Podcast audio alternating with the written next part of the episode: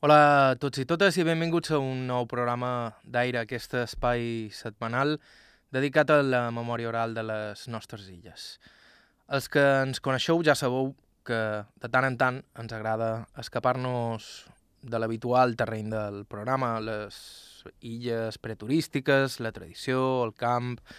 Ja ho varen fer la setmana passada entrevistant el capellà Roig Perafons, un programa que podeu recuperar, com tota la resta, entrant a ivetresalacarta.com o bé en format podcast als serveis habituals.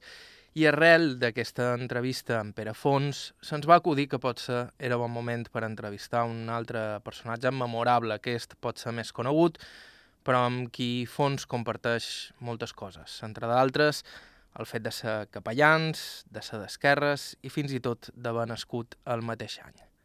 En tot cas, hi ha moltes coses que fan de Jaume Sant Andreu una persona com cap altra. Jo dic que, que vaig néixer home, mallorquí i capellà. Ho he complit, però les tres coses amb una transformació total. No? Home, gràcies a Déu, som tan, tan home, tan home que som gay.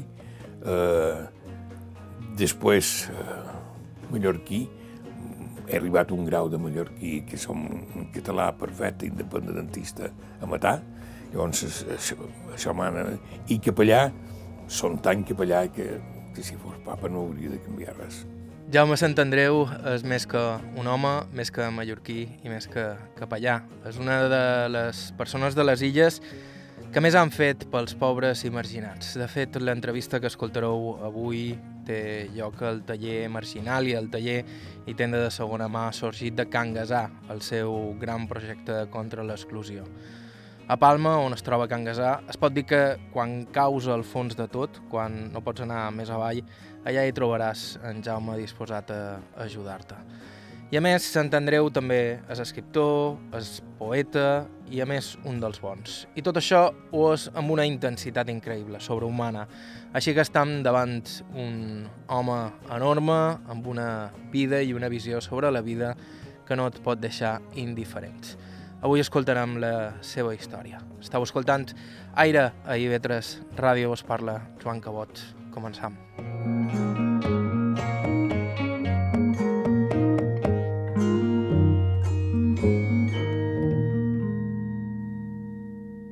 Com hem dit, arrencam al taller Marginàlia del polígon de Can Valero de Palma. Allà és fàcil trobar-se Jaume Sant Andreu assegut a la porta llegint mentre espera que entri algun client o alguna visita. Ell mateix es presenta. Jo nom Jaume Sant Andreu i Sureda. Vaig néixer un 9 de juny de 1938 a Manacor. De totes formes, quan dic Manacor m'agradaria eh, recordar una frase extraordinària de Mosson Alcobé. Mosson Alcobé, quan li demanaven d'on era, de, vaig tenir la sort de néixer a Manacor i el bon gust de viure sempre fora. Però, de totes formes, tot i això, la meva infantesa va passar en el camp. Eh, tenc un llibre, el llibre que més estim d'aquest món, que se diuen Sis de Minyonia, que són els deu primers anys de, de la meva vida i conta totes les meves arrels i, i no van demanar el poble fins que ma mare va dir no vull que el meu fill sigui en, analfabets com a vengut de ser nosaltres i me'l va dur cap a, cap a la vila. Els meus pares eren pagesos. bueno, ara aquí hauríem de fer moltes distincions perquè eh, mon pare sí, mon pare era d'una família patriarcal eh, pagesa, perquè en aquell moment el meu padrí, pel qual jo pac el nom, el padrí Jaume, padrí Collet, eh, i també li deien de Mandia perquè era d'aquesta eh, nissaga que procuraven tenir molt de fills i poder eh, viure i cultivar possessions grans. Pagès és aquell que té una, una gran possessió eh, com amo. Com a senyor no, com a senyor ja seria el senyor de la possessió.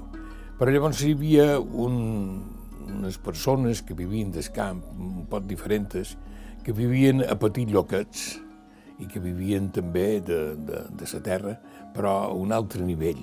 Normalment aquestes terres eren seves o llogades. Mon pare era pagès d'aquesta categoria ampla i mon mare era més bé eh, de Suredes, es deien perduts perquè havien estat a Son Perdut, i era d'una família, el padrí era més il·lustrat, sabia llegir, i tenien un, un trossos de terra, tenien unes cases de les quals vivien. No? Jo som fill de, directe i superdirecte de la terra. Aquells primers anys de vida, eh, la foravila de Manacor són els anys idíl·lics de la vida de Jaume Sant Andreu, malgrat coincidir de ple amb els anys de postguerra. Van començar a viure en Escapanel, a Casa Blanca, i llavors es compten sis de Mionia, passàrem a Son Sureda, darrere Son Sureda Rei, que encara existeix ara com a agroturisme, i era Son Sureda Sacos, i eren unes terres d'esplà, unes terres primes. Mai, que jo recordi, mai estàrem a Hort. I procurava mon pare i mon mare, perquè anaven junts, tant feia, feina feia un com l'altre, a treure tot el que necessitaven per viure. Pensa que era el temps immediat a la guerra, la guerra civil, eh, i havien d'entregar totes, totes gran en, en, en Franco, però com que mon pare vivia un lloc petit, un lloc, un lloc que era petit, eh, no venien moltes espies, més bé el contrari. Els senyors de per de vora, per exemple, el senyor d'Assassini, fins i tot el senyor de Conies, l'amo d'Assassini i l'amo de Conies, venien eh, a dues blata que nostra i mon pare los agordava per mort de que sabien que no. I jo tenc un poema que conta, primer record de la meva infància, com a damunt el puig de Son Sureda hi havia una caseta i un molí de sang, perquè no podies dur el teu plat a moldre i s'havia inventat un, una manera de fer la farina que era eh, un molí de sang, que era una roda de molí i una visti que donava, que donava voltes. Me'n record que pujàvem en dos sacs de plata de Montsevisti i davallàvem després d'hores en dos sacs de farina. Però hi havia unes coses que havien de vendre perquè si no, no hi havia, no hi havia caixa, no hi havia moneda, que n'hi havia molt poc en aquell temps. No? Compràvem molt poc, a més, quan estàvem, venia un, un, un, un comerciant eh, i fèiem intercanvi. Nosaltres li donàvem els ous i ell ens donava per la millor sal, o li donàvem les peces de formatge, que ma mare formatjava, teníem ovelles, i ell ens donava eh, arròs, no?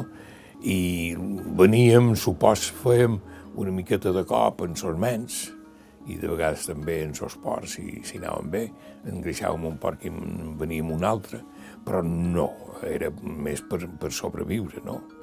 Totes formes és molt curiós perquè mon pare era un home tan, tan mans, eh, en son bon sentit de la paraula, molt intel·ligent i molt alegre, molt...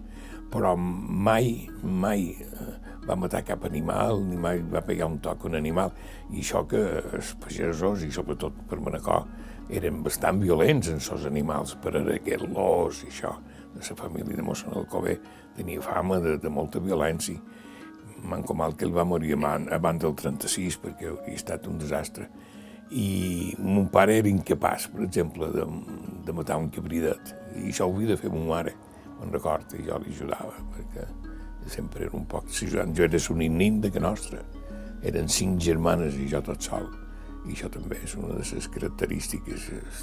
Tinc molt marcat per la terra i per la presència universal i absoluta de la dona.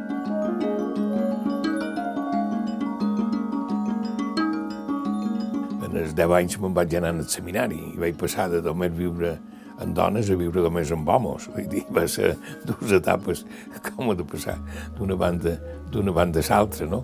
Uh, jo t'he dit que eres que estava al mig, que estava al mig, i record que no, no me vaciaven, no? jo no em vaig sentir mai vaciat, eres nin, Eh, i, i sí, l'únic que recordo un poc amb bastanta nostàlgia és que eh, les meves germanes, clar, no, que nostra, no hi havia tantes habitacions com per tenir una habitació tothom, i les nines vivíem bàsicament una, no només una habitació, un, una cambra per dormir, sinó un llit, un sol llit allà. S'hi ficaven, jo les sentia riure i les sentia... I jo havia d'estar tot solet dins una, dins una habitació.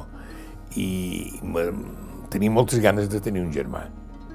I quan va néixer la darrera, eh, Nina, que per cert jo li he dut 10 anys, eh, vaig tenir un disgust, ni la volia veure ni res. I mare me va haver de cridar i me va dir, Jaume, t'has de posar tranquil, tu seràs espadí jove, ja veuràs. I ara dies, però no, volia un germà fos com fos, no?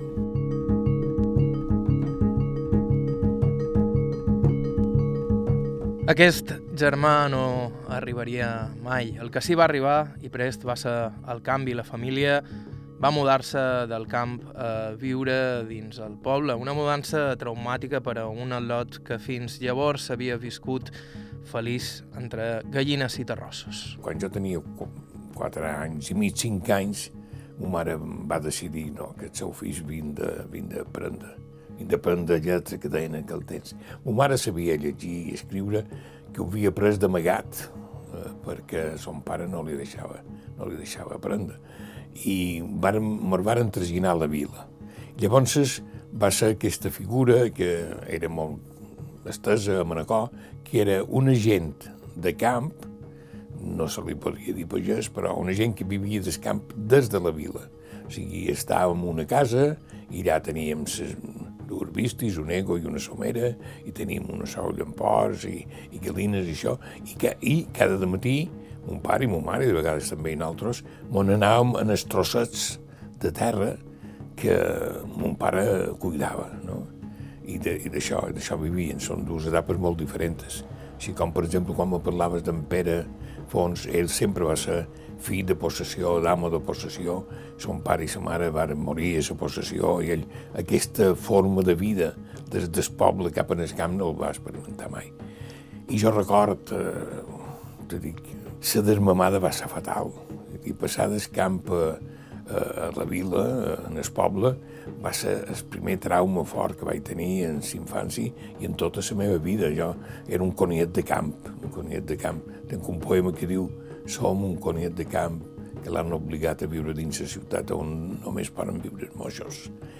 I, clar, jo anava descalç, jo, eh, record que quan mos vim de traginar a la vila Ma mare me va dir, agafa les galines, jo, matí, jo m'acostava i agafava les galines i els conills, perquè era un d'ells, saps?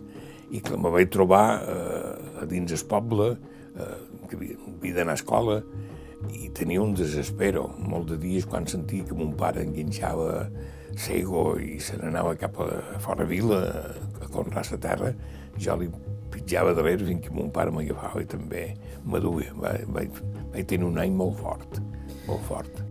Una anècdota per il·lustrar aquest cop, una que té lloc el primer dia d'escola d'en Jaume, que tot just arribar a Manacor va començar a estudiar a Cases Monges. Vaig anar a Cases Monges tot d'una, mon pare tenia una germana que era monja de la Caritat i nosaltres bueno, ens tocava anar a l'escola de, l'escola de la Caritat i sí, record que vaig, me vaig com adaptar.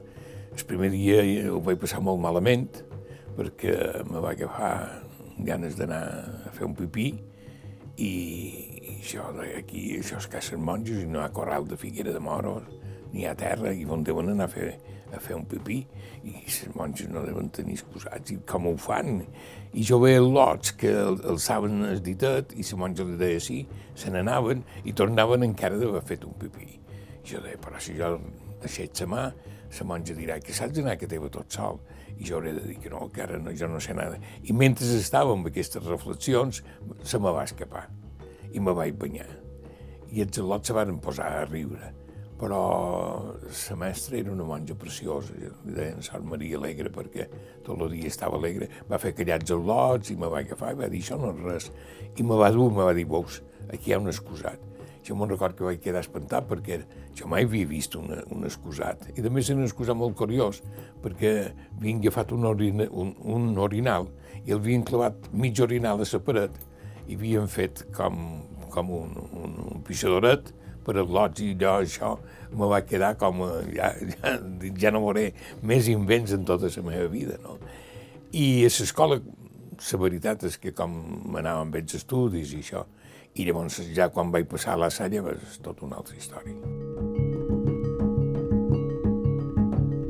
Aquestes escoles eren unes escoles que, que donaven un poc una, una cultura bàsica, no? T'ensenyaven a llegir i escriure en base a fer molta, molta cal·ligrafia i, i ara jo me'n dono compte, recordant la monja, que nosaltres li deien Sant Maria Oberta, jo l'he vist, li deien Sant Maria Alberta, però com que era la desningran ja deia Oberta, i moltes vegades mos feia fer coses, i deia, anava dalt a, a mostrar-ho la mestra, que era una, una altra monja que tenia carrera, i, i és que supos que ella estava insegura segon, fins i tot de segons quines coses, perquè el fet de la monja ja tenies dret a ensenyar i posar injeccions, però no sabies tant, tant com jo, no? A la Salle estàvem més, més preparats.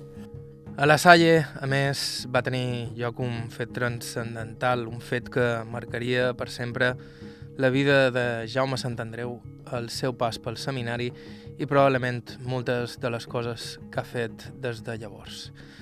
No és una història agradable. Estau escoltant Aire a IB3 Ràdio. Fem una breu pausa i continuem.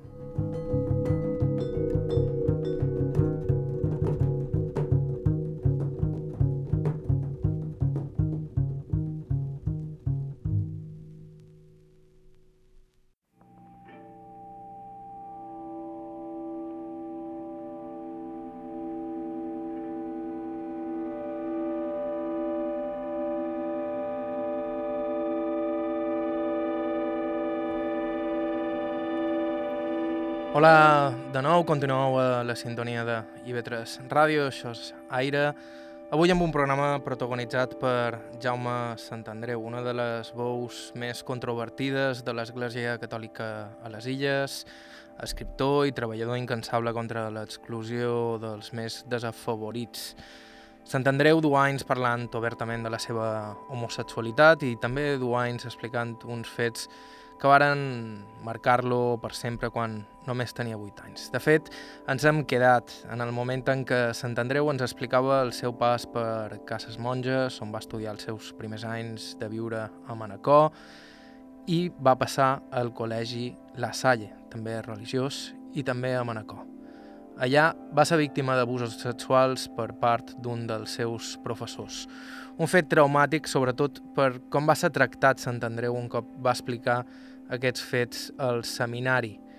Allà, diu ell, el varen capolar, fent que la víctima et sentís culpable, el món al revés. Però clar, jo a la Salle llavors vaig entrar dins un històric que l'he contat moltes vegades i que, que me va marcar ja definitivament i va ser que, clar, me vaig trobar que el frare que mos ensenyava, jo el vaig tenir dos anys, tres anys, tres, dos anys i mig, eh, era pederastre, no? i va prendre a mi com a, com a, com a, com a estimat, diguem, a mi i altres, no? És que, però fins i tot de vegades ens posaven gelosos i, i va haver dos anys i mig de, de, d'abusos sexuals. No, no hi va haver violència, no hi va haver violència.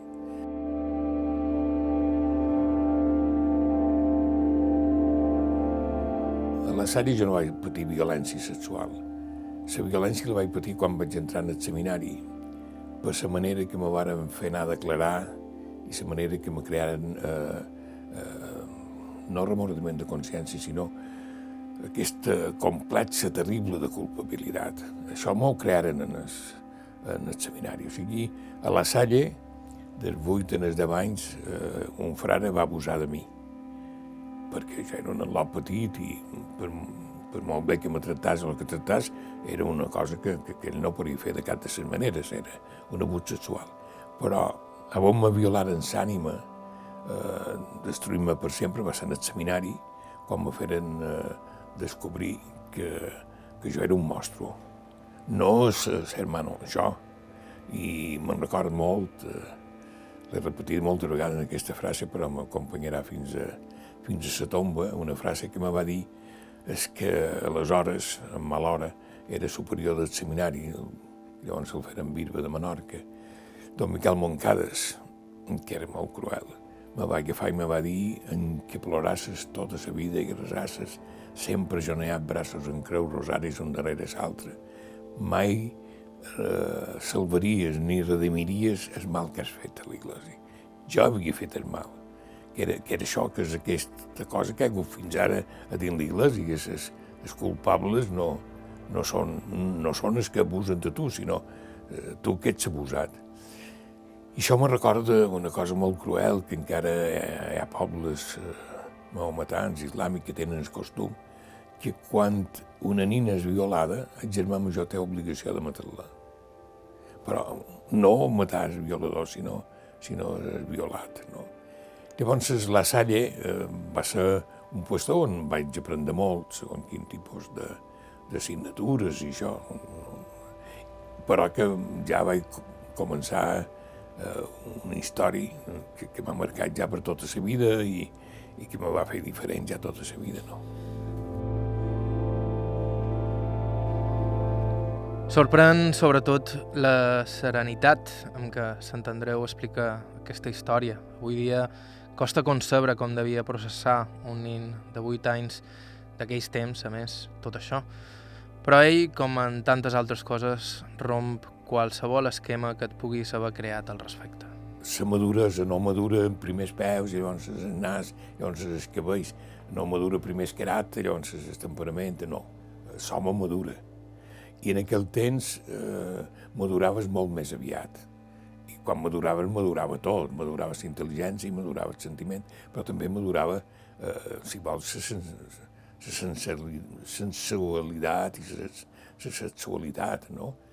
jo mai m'he sentit més, més madur i més home que, que, que ara, de tal forma que quan varen traduir el castellà en sis de minyonia, em va semblar que la eh, traducció literal d'en sis de minyonia era molt nyonyo. Eh, eh, Encanto de Inés, eh, sona molt així. I vaig posar un títol que també m'agradava, i era Nacido Hombre. I ja, ja eres home. Jo, per exemple, anava a la Salle, però el que no he contat, és que amb una alegria i un, un orgull abans d'anar a classe, i començava a, les vuit i mitja, nou de matí, mon pare me cridava, m'enguinxava la somera i jo me n'anava eh, fins a Conies, 4 o 5 quilòmetres lluny, a recollir llet en la somera i unes, i unes olles per guanyar un, un dobbers perquè nostre. I jo anava orgullós, llavors jo arribava a la salla a les 9 menys quart, i ja arribava super de xondit, ja venia del camp, ja m'havia guanyat la vida, ja. Vull dir eh, que jo me sentia molt madur, molt madur, ara quan dius eh, un nin de 8 anys, és que jo no he estat més home mai, no he estat més home mai. I en el, en el frare li guardàvem el secret i jo eren reaccions de persona adulta. No? Va ser llavors eh, quan me, quan me ficaren dins eh, dins el capolador que m'acapolaren. Probablement 13 anys de seminari m'acapolaren.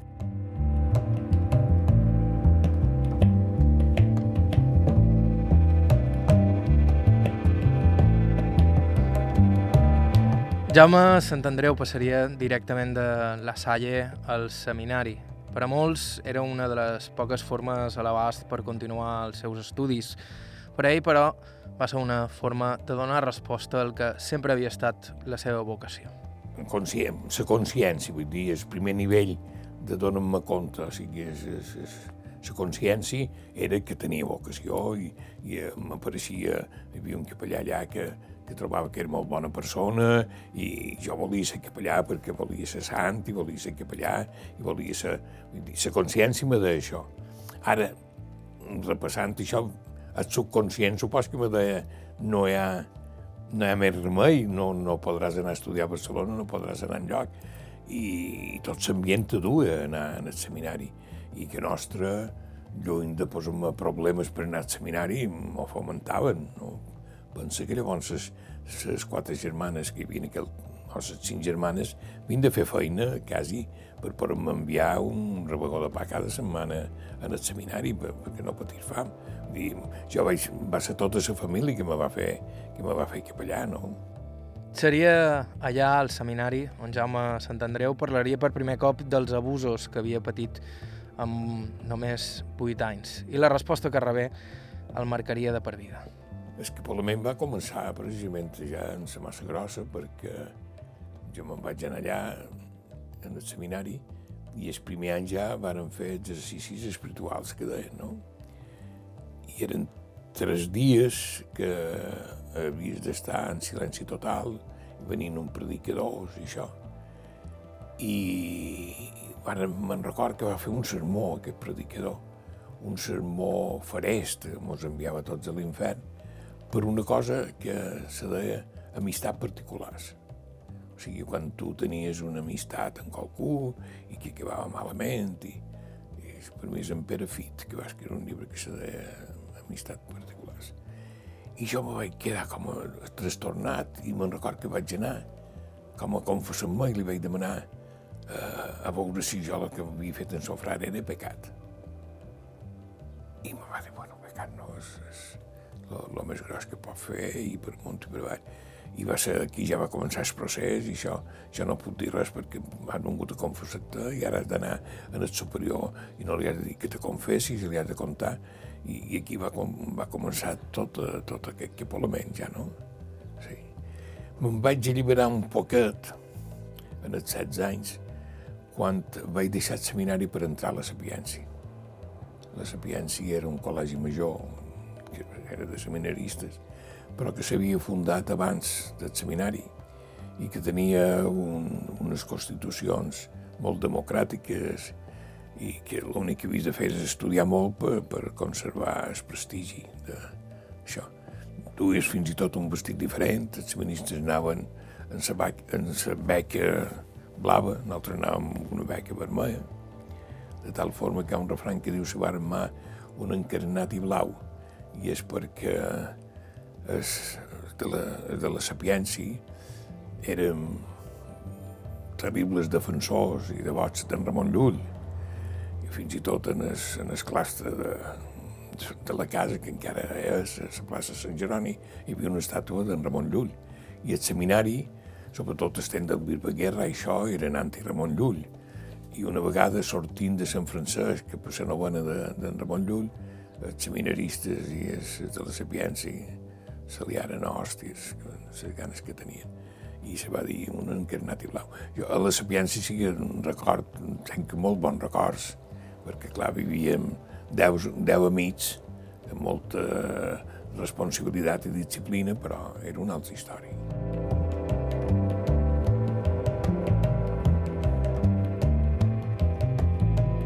Començar l'any 49, és que era disposir això. Vaig començar l'any 49 i m'ordenaren capellà l'any 60, l'any 1960.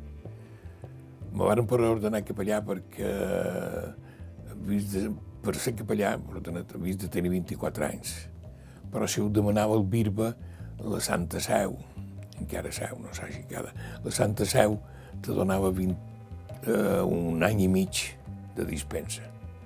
Això t'ho donava per ser capellà, però no t'ho donava per ser diaca i a mi no me van per ordenar de diàquen sols a mi, però eh, sí ja de, de capellà per a Nadal. On va ser que vares dir missa per primera vegada?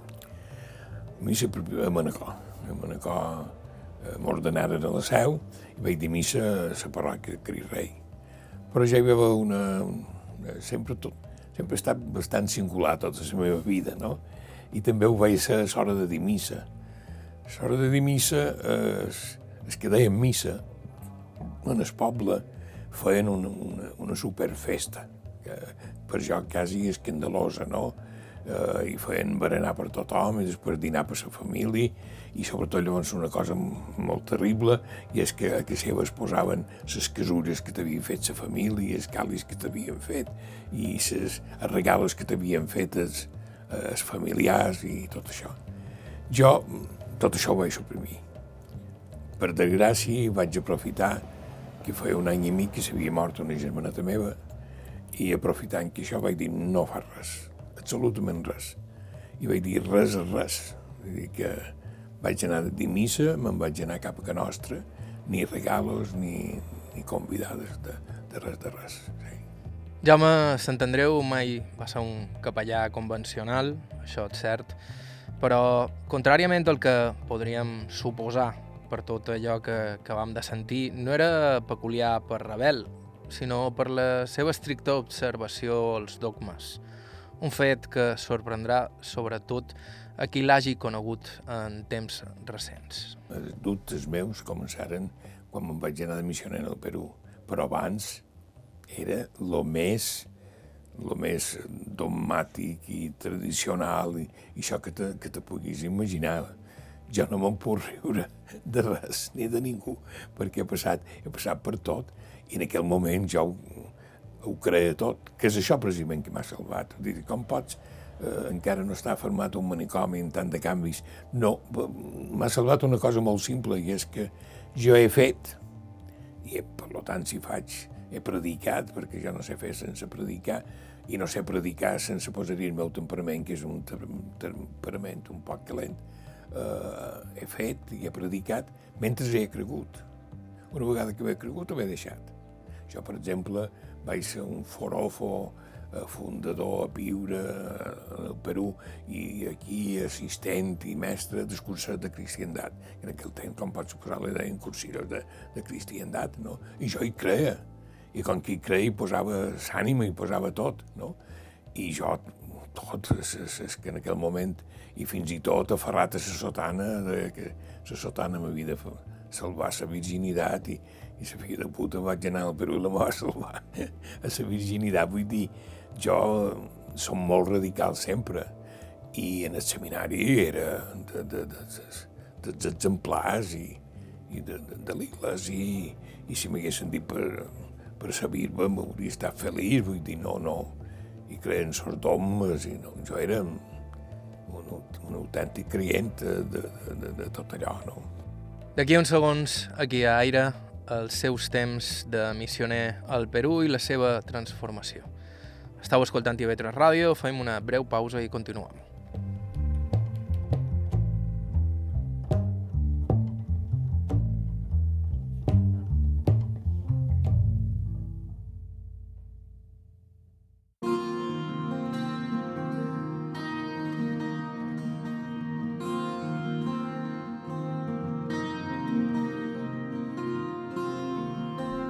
Hola de nou, estàu escoltant Aire a IB3 Ràdio, avui de nou amb un programa protagonitzat per un capellà, aquest encara més peculiar que Pere Fons, a qui vàrem sentir la setmana passada. Jaume Sant Andreu ha estat una de les figures més controvertides i obertament crítiques amb l'Església a les Illes, un treballador incansable en favor dels més desafavorits i un escriptor increïblement productiu. Tot això després d'una adolescència marcada pels abusos sexuals i el sentiment de culpa que li inocularen al seminari, o pot ser precisament degut en això. Sant Andreu ens explicava fa una estona que quan el feren capellà era un capellà rigorós, observant dels dogmes amb sotana i convençut, però en un punt de la seva vida començaria una transformació que explica només en part el que és avui dia – aquest punt és Perú, on Sant Andreu viatjaria com a missioner i descobriria un món completament diferent al de l'Espanya de Franco. Aquella experiència li obriria el cervell. I en el Perú, llavors, és clar, eh, va ser un canvi total. Imagina't, això era l'any 62, 65, 65, 64, 65, 25 anyets sense haver sortit mai de Mallorca i sota neta posada, cap en el Perú, en tot aquell calor. Un Perú preciós, en, en tota democràcia, no? I no, vaig obrir els ulls i no podia creure el que, el que veia perquè era un, era un canvi total, no? I, i jo poso una comparació, per, perquè si ara t'hem d'anar a explicar molt, no, no m'entendré, però jo m'entenc en comparacions, com a bon pagès. Jo sempre m'imagino que en el seminari mos explicaven que hi havia unes terres, uns llocs, eh, hi havia una gent eh, que anava descalça, l'ànima descalça, i que nosaltres havíem d'anar i les havíem de dur sabates, sabates. I jo me'n vaig anar al Perú carregat de sabates, de domes, de, de tot, no? I jo anava disposat a, a posar el eh, que jo creia en els peus d'aquella gent, no? Però, clar, quan vaig anar a assetjar les sabates que jo duia d'Europa, que jo duia de, de, de l'Església Catòlica, que jo duia d'en Franco, que jo duia de la dictadura, en aquell peus no hi havia cap sabata que anés bé, ni una.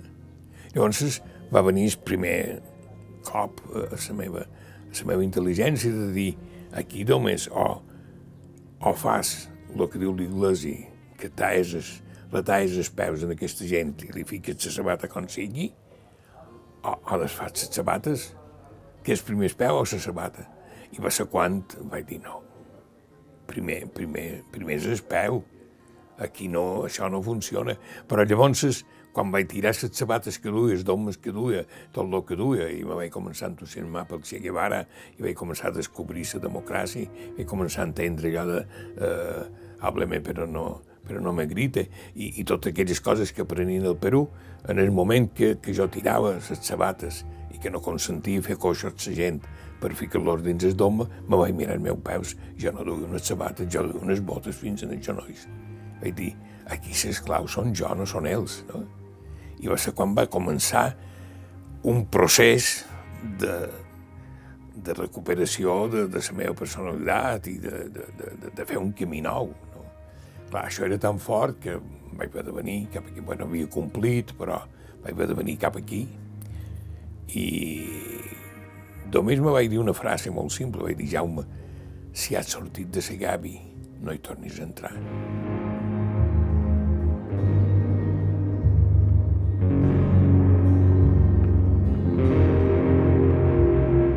Tot un procés que vas fent i vas, vas canviant. Passa una cosa, i és que jo no sé si som intel·ligents si no ho som, però sí sé que som molt intuïtiu, no? Jo, tot això que te i tot això, eh, jo raon després, perquè jo crec que els animalets de camp, com són jo, mos fiem de l'ensumada. Peguem una ensumada i ja està. Però, clar, no pots anar pel món de dir això perquè ho dius, o perquè ben sumat, no. I quan ja has pres la determinació, has de raonar. El raonament, per desgràcia, estan vivint en un país, eh, una, una cultura, on encara se pensen que el raonament és, és, és el, que, el que ha de ser fonamental. Per jo la intuïció, jo, jo és intuïció, jo me fi molt de, de la intuïció i m'hi tir de cap i mai m'he equivocat. S'ensumada mai mos, en els animals calents, s'ensumada mai mos, mos, eh, mos engana, no? I llavors van de raonar i van d'això, i clar, eh, aquest procés hi ha molt de sofriment per mig, no? No, no és fàcil. No és fàcil perquè has d'anar a contracorrent sempre, has de fer, eh, començant un poc per la família, que sempre m'ha acompanyat, però no és fàcil anar, anar sempre en contra, no? no? No és fàcil venir del Perú i com he fet un, un quimerer a, a un ajudant de cuina a l'Hotel Levante, no? O llavors és, eh, començar tot, tot el moviment marginal, no és fàcil res, res de tot això. Però si instinti dur. No? Jo ric de, del Perú hi havia dues solucions. O inventat un camí nou o entrar a dins la gavi de sempre, ser un becariat de poble o, o un rector de poble i tornar, tornar a fer el que, el que feies i sobretot una cosa que me repugnava, cobrar d'en Franco. I jo vaig dir, no, Jaume, no tornis a veure. Si has sortit de la gavi no hi tornes a entrar. I el primer de tot que t'has de demostrar és que tu no necessites ni l'Iglesi ni en Franco per sobreviure. Per tant, per jo capellà obrer era, era ser obrer, capellà era lo de menys, no? Era de dir, jo me puc guanyar la vida. I va ser quan me'n vaig donar compte que un home federí com era jo, eh, que sabia rentar plats, en aquell moment podria donar la volta al món, vull dir, em vaig anar, per exemple, a Formentera, que va descriure Camí de Coix, i allà me guanyava la vida i m'anava a Serenal i me guanyava la vida. Clar, llavors tu dius tot això no ho pot fer tot sol i va ser quan van fer el petit, petit grup de capellans obrers i, i monges obreres i, i tots eh, capitanejats un poc en Paco Obrador.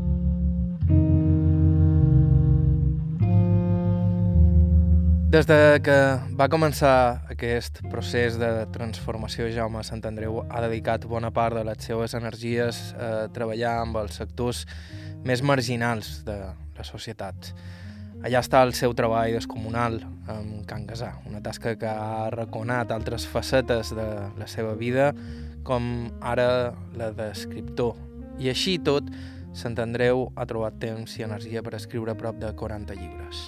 Escriure és com s'alenar, vull dir, això, hi neixes, hi neixes. Eh, jo som molt de la genètica, i ho he examinat i jo venc d'una família pagesa, però dins d'aquesta família pagesa i tot hi havia, hi havia gent, hi havia, de part de mon pare, un poeta que va publicar llibres, mossèn Alcover, que era l'home Antoni Vicenç, Sant Andreu de Sant Garbeta, i sempre duit aquesta, aquesta vena, vull dir, aquesta vena, aquesta vena literari. I ja en el seminari guanyava els, els, els certàmens que fèiem en el seminari. I sempre hi ha hagut aquesta cosa de, de s'escriure. I ja en el Perú m'ho vaig defensar molt també escrivint, vaig venir amb una novel·la feta, que és el Denario del Profeta, que el vaig presentar en el Premi Nadal i va fer, va fer segon. I llavors es, eh, no se volia publicar aquí perquè en castellà el vaig traduir en català i se va publicar el nom el Denari del Profeta. No? L'escriptura m'ha acompanyat un poc, un poc sempre, no? Eh, servint, perquè hi ha un, molt de jaumes, a mi hi ha molt de jaumes, no? La vida és tan curta que si ets una persona tot sol te va pegar un tit, no? Hi ha molt de jaumes. I hi ha un jaume que no surt més que per l'escriptura. De tal forma que de vegades me diuen i per què no escrius això? Per què no escrius les històries de Can Gasà, les històries de, de refugis, les històries de l'Hospital de nit, les històries de Sant... No, això ja, ja m'he viscut, no ho necessito escriure. L'escriure teneix d'una necessitat molt, molt, molt fonda i, i quan tu llegeixes els meus llibres no, l'imaginació no, no entra per res, no? Entra, suposo, indirectament, hi ha coses i això, però és una expressió de la de la teva personalitat. Tot i això, Miquel Àngel Riera, que mos estimava molt, moltíssim, me deia, tu has de publicar llibres amb una cinta que ho expliqui perquè eh, ets més expressiu i més corprenedor mm, parlant, o sigui, com si tingués més importància la paraula oral que la paraula escrita. De totes formes, jo crec que sí, jo m'he dedicat molt a, a perinfilar les escritures, sobretot degut a la influència de Miquel Àngel Riera i, és, i ara fins i tot per escriure un articlet en el Facebook de vegades m'acosta dies i hores perquè és paraula per paraula jo, jo crec que per dir les coses com la diu la Madonna de plaça més anar a plaça perquè tindrà molt més gràcia una placera xerrant que no jo.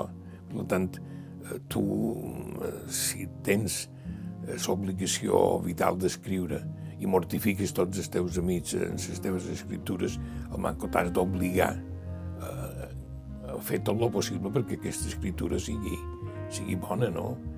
És que no he hagut de cercar diccionari. Bueno, el dia que tu llegeixes un llibre meu i no hagués d'agafar el diccionari que hauré d'escriure, perquè jo crec que s'escriure és un poc conservar el valor dels mots, la paraula dels mots, i és un pot la queixa que jo crec que la gent no, no és que m'estigui gelós, com més escrigui millor, i segurament tots escriuen més que jo. Ara m'agrada quan llegesc un llibre que, que, que sigui una... Això, que la poesia ha de ser bellesa, força i sorpresa. Això és un Jaume meu, no? i jo el respet. La queixa té tota la raó.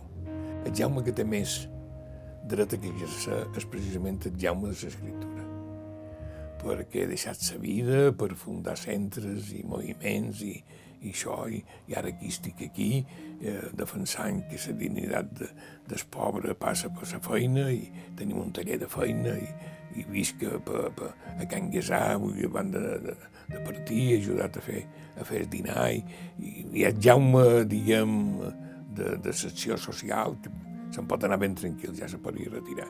Ha fet... Però en Jaume de s'escriure me dona com a impressió que he posat molt de fills en el món, ja van per 34 o 35, i els he abandonats. Els qui no ha abandonat són els seus altres fills. La gent que ha acollit a la casa de Can Gasà i en aquella pàtria que ell anomena marginàlia. Tot genètica. Sense la genètica no hi ha res que duri, no? Jo tenc un genes, que aquest si ve de mon pare, si tens una mica d'intel·ligència reconec que ve de ma mare.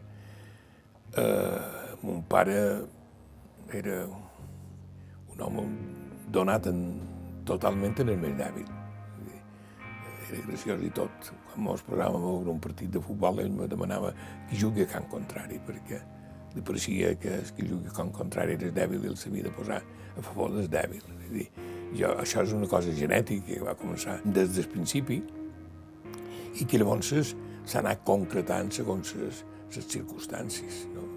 Eh, segons eh, aquí on he estat, sempre he procurat eh, anar solèbil. Me'n record, ara parlant d'en Paco, Paco Obrador, que era el nostre jefe, me'l va fer tot de bandera roig, i darrere ell bandera roig, i llavors... I les primeres manifestacions, me'n record que ell anava en escap i jo anava darrere perquè darrere sempre hi havia els guitussos i, i quan se tancaren, una data molt uh, especial, quan se tancaren a Sigles i Sant Miquel, ell estava tancat allà de dins amb un parell més, i nosaltres estàvem de fora, passàvem la nit de fora, però jo de les 5 des de matí ja retirava els gatussos i les manduia cap a Canossa, cap a, cap a. Perquè sempre ha estat així, no? Una gent que ha, ha pujat per munt i uns altres que han davallat, que han davallat per avall, cada, cada vegada més avall, cada vegada més. No he arribat en el fons, però sí, he fet, he fet avall.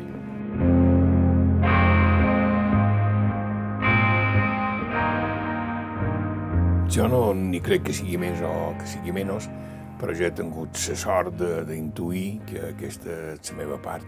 Jo per lo millor m'explicaré amb una, amb una anècdota que me va passar, i és que un dia me vaig presentar en els Caputxins, que jo era molt amic des que eres el prior, i els Caputxins, si ara hi aneu a la plaça d'Espanya, trobareu per lo millor 300 persones que fan coa perquè fa un entrepà. I això els Caputxins li diuen el pan de Sant Antonio i tenen com a obligació de donar el pan de Sant Antonio. Jo vaig anar i vaig dir, José María, Josep Maria, li vaig dir, Josep Maria, s'ha queixat molt malament de tu. I em diu, sí, ja ho sé.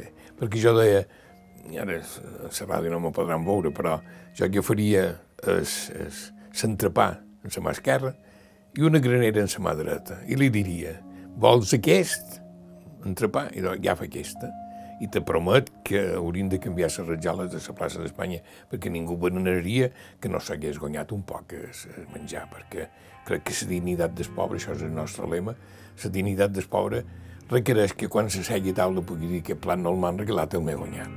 I posta que en ja fan feina i qui fan feina, perquè crec que, que això és així. Bé, jo li vaig dir, eh, jo ho faria així, i ell me mira, va riure, és molt bona persona, és molt bona persona, se n'ha dut a Barcelona, me diu, però tu, Jaume, tu saps què passaria? Dic que sí, tu també. Que en menys d'un mes aquest 300 se convertirien en 30. I jo, tot innocent, li vaig dir, però és això que volem, no? Que només llevar pobres de, que, que falsos, no? Va ser llavors que ell me va mirar i me diu, i què faria jo en sopant de Sant Antonio? I el vaig agafar, el vaig besar, dic, ara som aquí on hem de ser. Ara som exactament a on hem d'arribar tu i jo. No són els pobres que ens necessiten a nosaltres, són nosaltres que necessitem els pobres. Els favorits d'aquí no són ells, són jo. Són jo que, té, que, que, he sabut, que he sabut triar, no?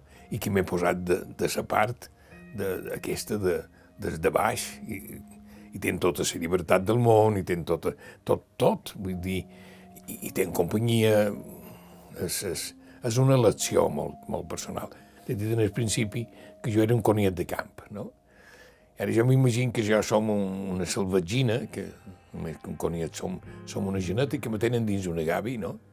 I que llavors un dia m'aduen en el meu habitat, que és la selva, i, i jo eh, m'he de dir que feia vietes però si tu tens una mica de coneixement i ets un animal salvatge i veus la selva, el que has de fer, estira't ti. Jo, el meu, el meu habitat, el meu d'això, és, és, és, és, és, és, és la marginació, és Can Gasar, és Can Gasar en concret. He fet un llarg procés per arribar a Can Gasar.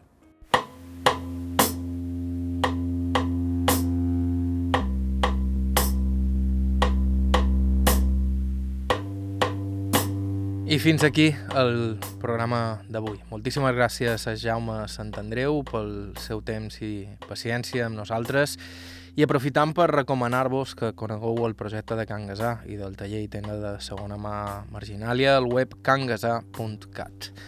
Ja sabeu que si ens voleu proposar alguna entrevista ho podeu fer enviant-nos un correu a aire.ivetresradio.com i que també ens podeu seguir a Facebook i Instagram. Si vos voleu subscriure al podcast del programa ens trobareu a iTunes i serveis per l'estil i l'arxiu complet del programa el teniu a ivetresalacarta.com. Bàrbara Ferrer a la producció executiva i Hernández a la producció tècnica vos ha parlat. Joan Cabot, fins la setmana que ve.